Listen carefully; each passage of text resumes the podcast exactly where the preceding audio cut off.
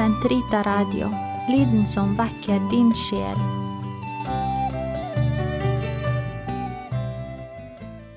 Lovet være Jesus Kristus, og velkommen til denne katekesen for konfirmanter og unge voksne. Vi har kommet oss gjennom såpass mye at vi snur oss rundt for å ta en kikk på hva vi har lagt bak oss. Jeg har forsøkt å legge opp denne radiokatekesen på en forståelig måte, sånn at vi skjønner hvor vi er, hvor vi skal hen, og hvor vi har vært, og hvordan alt henger sammen. Det vi startet med helt på begynnelsen, var med hva vi kan vite, og hvordan. Å ha kunnskap er å vite hvordan virkeligheten ser ut, som om vi hadde et kart oppi hodet. Jo mer vi lærer, jo mer av landskapet kan vi tegne inn på kartet, og jo flere detaljer kan vi legge til.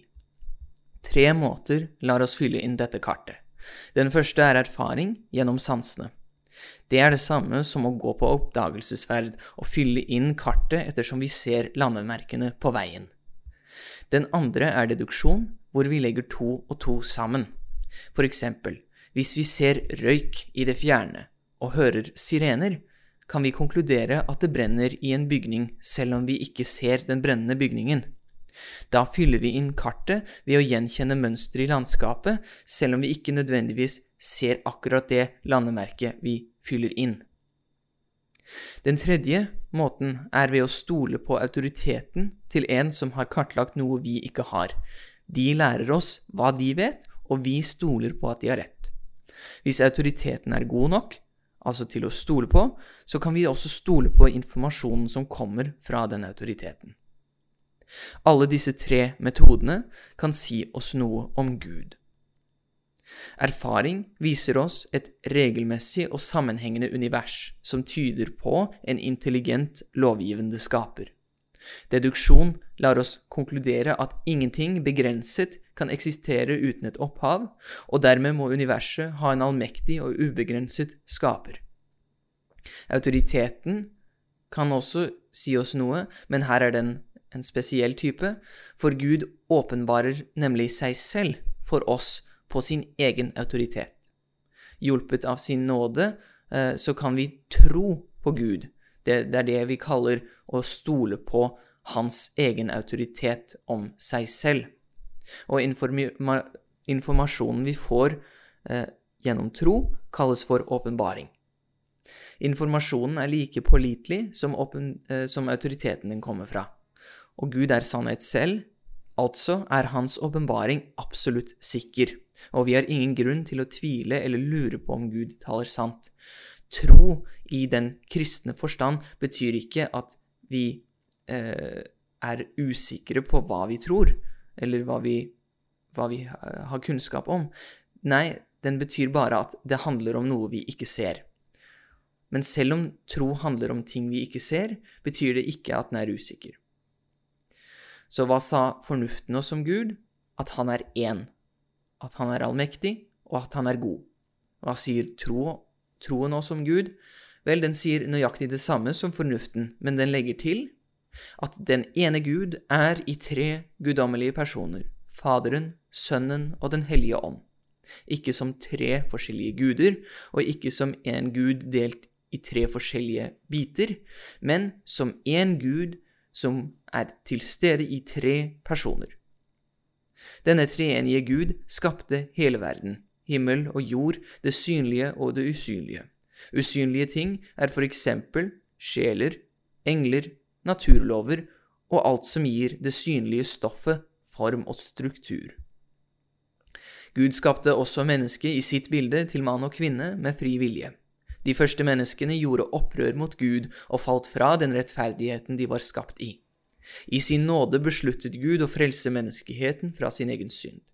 Først gav ham den loven og profetene, så de skulle vite at de var i synd og måtte omvende seg, og sånn at de skulle vite hva de skulle gjøre for å følge Guds vilje.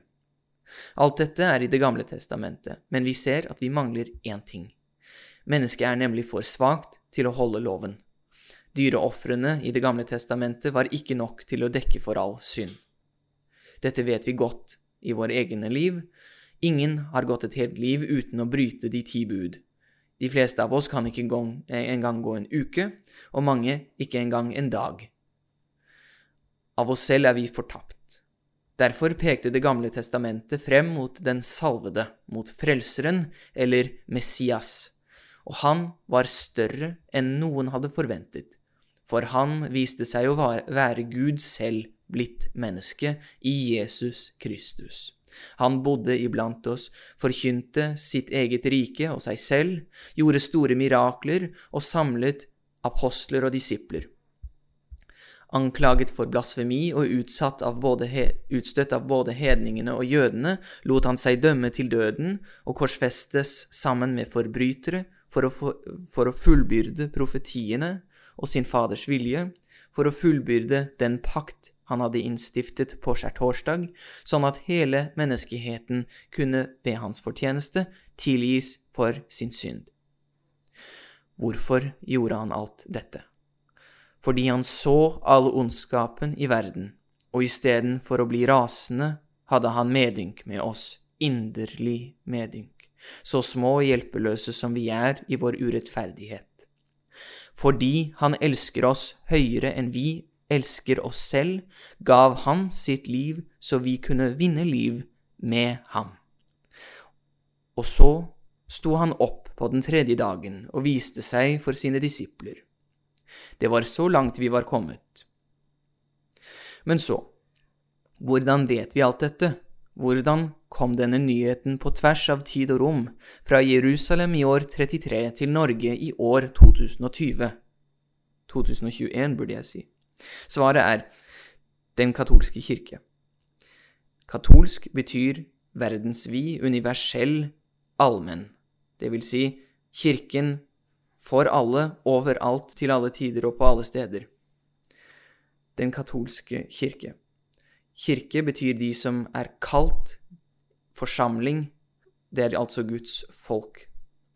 Jesus grunnla den katolske kirke for å vokte og for å forkynne troen på ham i evangeliet, og for å bringe alle folkeslag til seg selv i tro på ham, i håp om evig frelse i ham og i kjærlighet til ham. Kirken er forsamlingen av alle som tror på Jesus Kristus og er blitt lemmer på hans legeme i dåpen.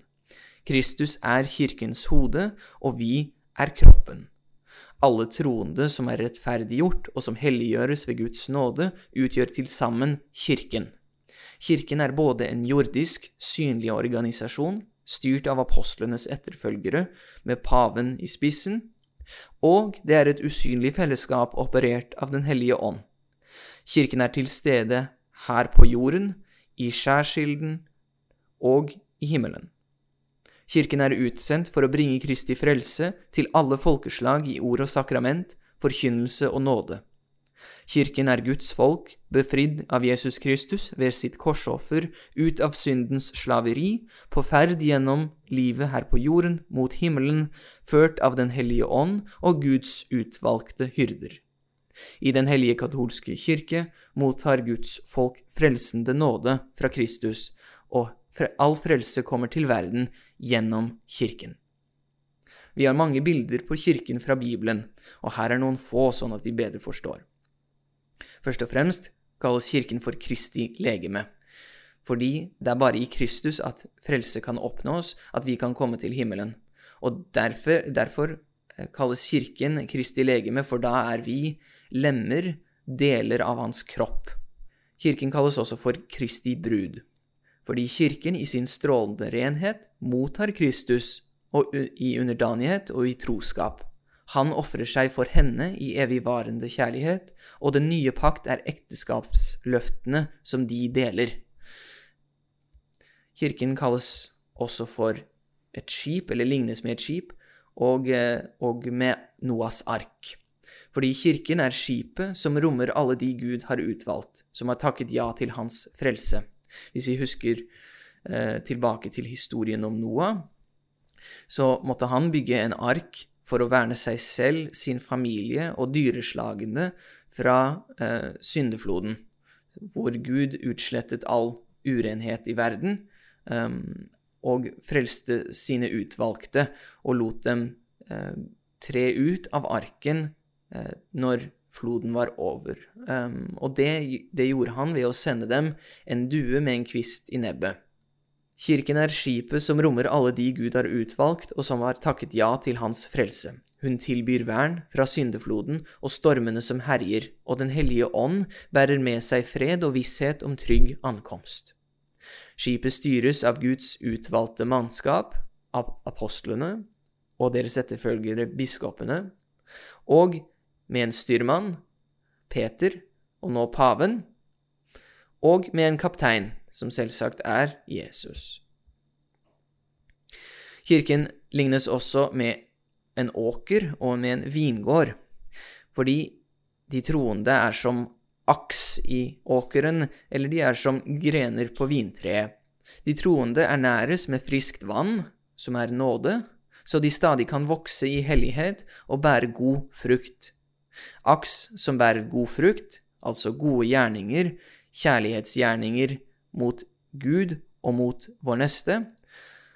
Aks som bærer god frukt, skal samles inn i låven og skal få bære 100, 60 og 30 fold for sine gode frukter. De skal få igjen for sitt strev. De skal få sin lønn. Men ugresset, de onde menneskene, som vokser sammen med kornet og forsøker å kvele det, skal brennes i ovnen. Grener som bærer dårlig frukt, skal skjæres av. De skal også få det de fortjener. Kirken kalles også en jord, eller en fåreflokk, en saueflokk. Fordi i en, i en jord har du hyrder, og vi har også hyrder som kalles biskoper, eh, og vi har en, den gode hyrde på toppen som heter Jesus. Og hyrdenes jobb er å gi fårene næring og å vokte dem for ulver. Ulver her er vranglærere og ugjerningsmenn, onde mennesker som forsøker å ødelegge, eh, ødelegge for kirken og, og for frelsen. Fårene gjetes gjennom porten til himmelen, hvor de lever i fred og overflod. Falske hyrder forsøker å villede flokken, men Kristus, den gode hyrde, vokter sine får. Kirken kalles også Guds hus. Som steiner i et stort byggverk bringes Kristi lemmer sammen av Den hellige ånd. Vi er som steiner, og, og eh, Kristus er arkitekten som sammen med Den hellige ånd bygger et hus til Faderens ære, og det viser også at vi er et tempel for Den allmektige, et storslagent hus. Men så kan man spørre seg, trenger vi en kirke? Svaret er ja, og hvorfor det? Kirkens nødvendighet kan vi se både ved fornuft og ved åpenbaring. For å ivareta og spre evangeliet må det finnes en kontinuerlig institusjon, altså en fast gruppe mennesker eller organisasjon som fører evangeliet videre med samme tolkning og under samme forståelse som den var i går. Vi kan ikke ha eh, et evangelium i dag og et evangelium i går. De må være det samme, for ellers mister vi kontakten med Kristus. Vi må ha altså denne kontinuerlige institusjonen på jorden, fordi vi må kunne kommunisere med menneskene, som overleverer eh, budskapet fra generasjon til generasjon.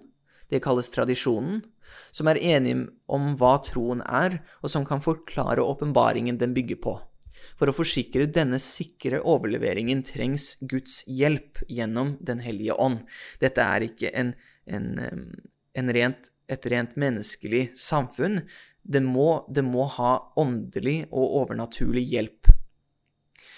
Vi vet også at vi må ha en kirke, både usynlig og usynlig, fordi Kristus sier oss det. Og her leser jeg fra Matteus 16. Da Jesus kom til traktene ved Cesarea Filippi, spurte han disiplene, Hvem sier folk at menneskesønnen er? De svarte, Noen sier døperen Johannes, andre Elia, og andre igjen Jeremia eller en av profetene. Og dere, spurte han, hvem sier dere at jeg er? Da svarte Simon Peter, Du er Messias, den levende Guds sønn. Jesus tok til orde og sa, Salig er du, Simon, sønn av Jonah, for dette har ikke kjøtt og blod åpenbart deg, men min far i himmelen. Og det sier jeg deg. Du er Peter. På denne klippe vil jeg bygge min kirke, og dødsrikets porter skal ikke få makt over den. Jeg vil gi deg himmelrikets nøkler, det du binder på jorden skal være bundet i himmelen, og det du løser på jorden skal være løst i himmelen. Og han forbød disiplene strengt å si til noen at han var Messias. Her ser vi hvordan det er utenfor kirken.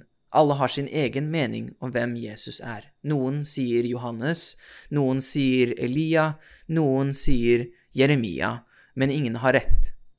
Vi må altså ha apostler, hyrder, som kan bevare og overlevere åpenbaringen.